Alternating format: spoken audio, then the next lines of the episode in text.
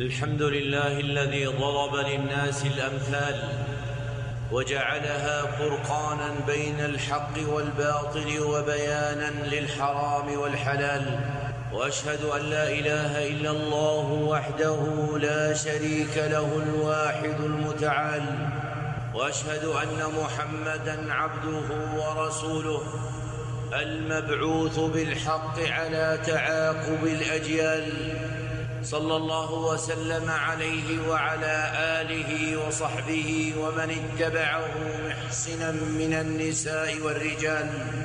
أما بعد فاتقوا الله أيها المؤمنون وأحسنوا إن الله يحب المحسنين. وتوبوا إلى الله فإنكم جميعا إليه راجعون.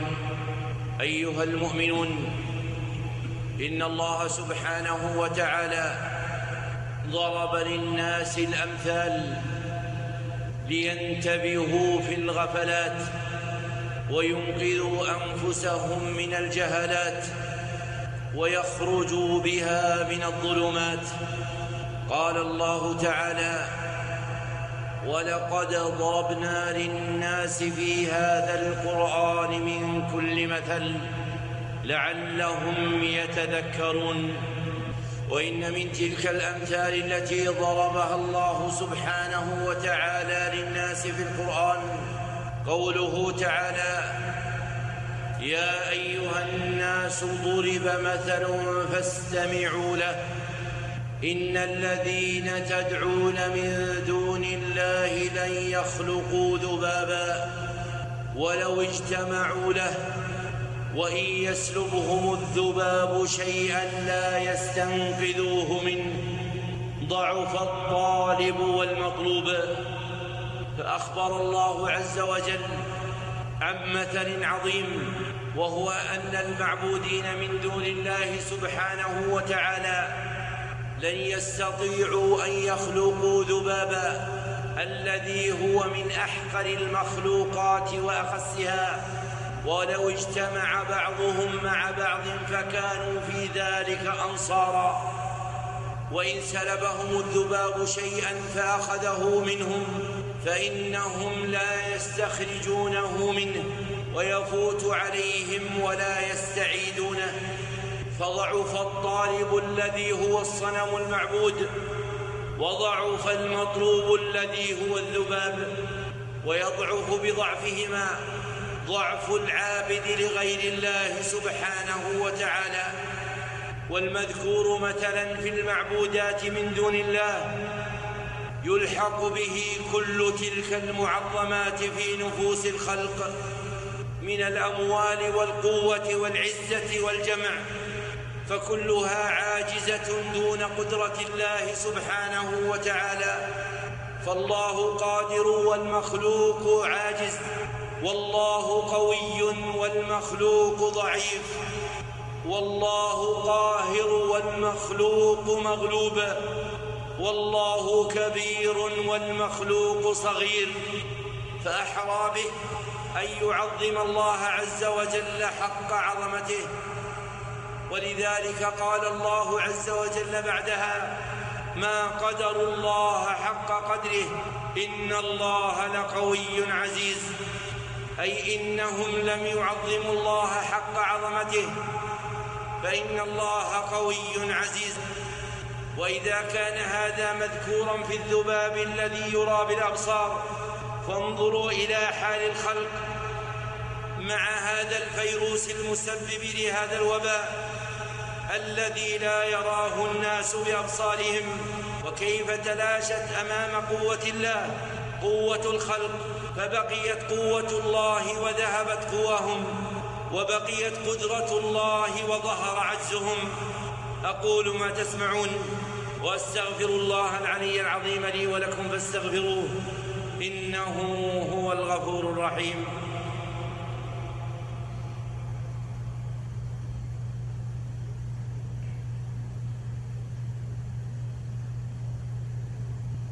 الحمد لله حمدا حمدا والشكر له تواليا وتترى وأشهد أن لا إله إلا الله وحده لا شريك له. هو الحق المبين. وأشهد أن محمدا عبده ورسوله ورحمته المهداة للعالمين. صلى الله عليه وعلى آله وصحبه أجمعين.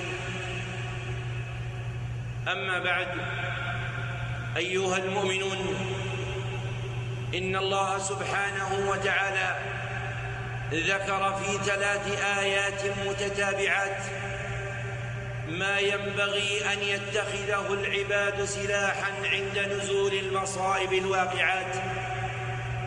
فقال تعالى ما أصاب من مصيبة إلا بإذن الله ومن يؤمن بالله يهد قلبه. والله بكل شيء عليم. وأطيعوا الله وأطيعوا الرسول.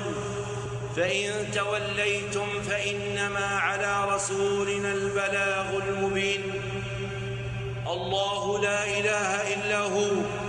وعلى الله فليتوكل المؤمنون. فأخبر الله سبحانه وتعالى أن المصائب النازلة ومن جملتها في زماننا هذا الوباء كلها بتقدير الله سبحانه وتعالى وقضائه والذي ينبغي أن يتخذه العبد سلاحا هو ثلاثة أمور. أولها الإيمان بقدر الله عز وجل وأن ما أصاب العبد لم يكن ليخطئه وأن ما أخطأه لم يكن ليصيبه. وبذلك تحل في القلب طمأنينته كما قال ومن يؤمن بالله يهد قلبه وثانيها طاعة الله وطاعة رسوله صلى الله عليه وسلم فانهما الحصن الواقي للعبد من آثار المصائب ومن جملة ما يندرج في طاعة الله وطاعة رسوله صلى الله عليه وسلم المأمور بالمبادرة إليها عموما وعند نزول المصائب خصوصا طاعة أولي الأمر فيما يرشدون إليه مما يتعلق بها ومن جملتها الإجراءات الوقائية والاحترازات المأمور بها في حفظ النفوس كتغطية الوجوه بالكمامات أو اصطحاب المصليات للسجود عليها في الصلاة أو التباعد في أثناء القيام في الصلاة أو غير ذلك مما يتعلق بالمساجد خاصة وبأماكن اجتماع الخلق عامة. فطاعة الله وطاعة رسوله صلى الله عليه وسلم مأمور بالمبادرة إليها ومؤكد على المحافظة عليها عند نزول المصائب.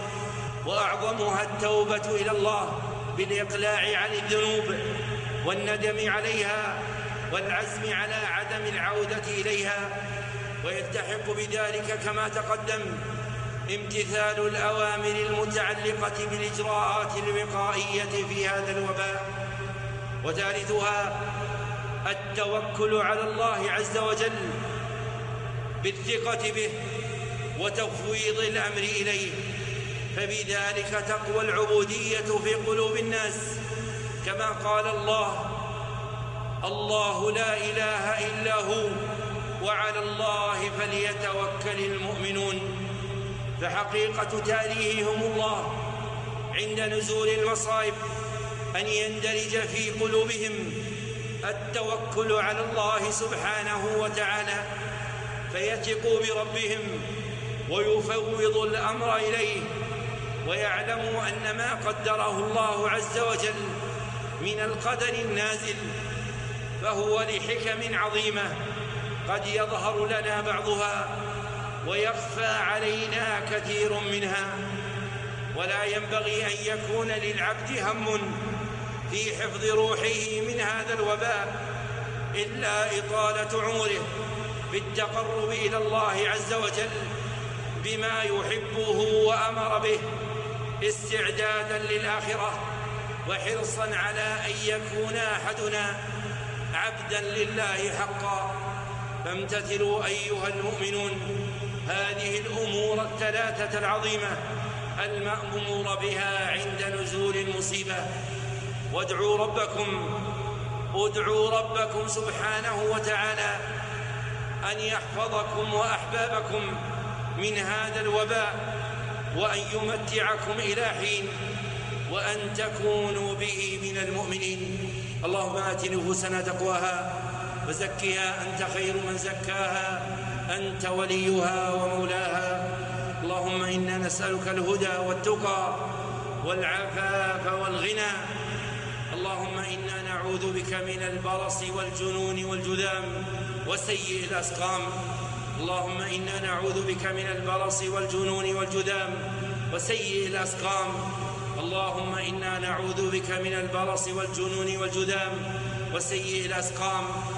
اللهم ارفع هذا الوباء واكشف عنا البلاء ومتعنا بصحة وعافية إلى حين واجعلنا من عبادك المؤمنين.